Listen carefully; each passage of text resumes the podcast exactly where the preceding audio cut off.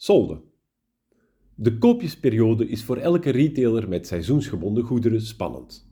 Zij kan een minder jaar nog redden of de kers op de taart betekenen in een goed jaar.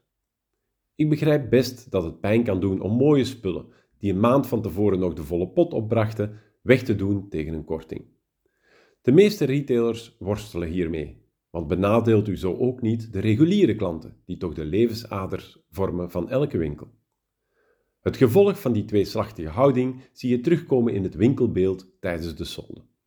Ingewikkelde kortingen van heel laag, 10%, tot heel hoog, 80%, waarbij je glashelder kunt aflezen aan de prijs hoe oudmodisch de spullen zijn, als men het al niet ziet aan het stof dat de winkeldochters hebben verzameld.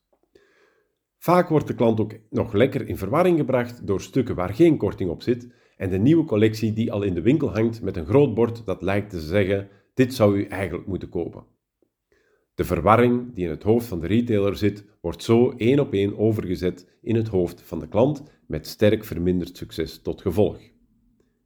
Er is nogthans een manier om de kunst van het solderen perfect uit te voeren. Uw schuldgevoel ten opzichte van uw reguliere klanten kunt u heel gemakkelijk als volgt oplossen. De eerste twee dagen van de koopjesperiode reserveert u voor klanten die het afgelopen seizoen bij u hebben gekocht. U zet een flinke bodyguard, man of vrouw, bij de deur met een lijst van de VIP's. Want natuurlijk heeft u hen allemaal een persoonlijke en exclusieve uitnodiging gestuurd. U heeft toch de gegevens van uw klanten? Zo niet, dan wordt het hoog tijd dat u daaraan begint. Dankzij dit event wordt het ook veel gemakkelijker om de gegevens van uw klanten te krijgen om zo omniconnected te worden. Stelt u zich immers maar eens voor dat een klant de VIP-dagen mist. De klant gaat nu zelf vragen of u zijn of haar gegevens wel goed heeft genoteerd. Dit systeem kent alleen maar positieve aspecten. U beloont de reguliere klant. Koopjesjagers zullen misschien volgend jaar toch een stuk kopen om toch maar uitgenodigd te worden en u creëert een clubgevoel onder uw klanten.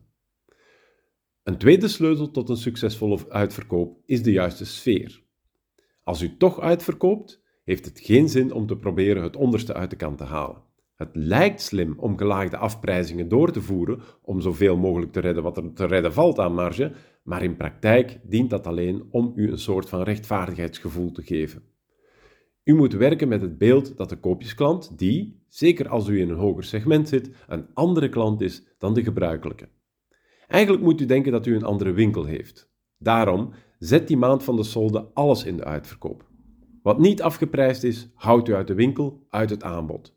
Vervolgens geeft u ruime, uniforme korting, bijvoorbeeld alles aan 50%. De klant moet in een koopjesfeer komen. Als u veel kwijt wilt, mag je van mij ook een stapelkorting geven of 1 plus 1 gratis, maar zorg ervoor dat de hele winkel koopjes uitstraalt en laat de klant ontdekken. Op deze manier geeft u niet prijs wat lichtjes of heel verouderd is. U laat de klant zelf zoeken en buitenkantjes vinden. Bijkomend voordeel is dat de winkel er niet helemaal piekfijn uit moet zien zoals de rest van het jaar.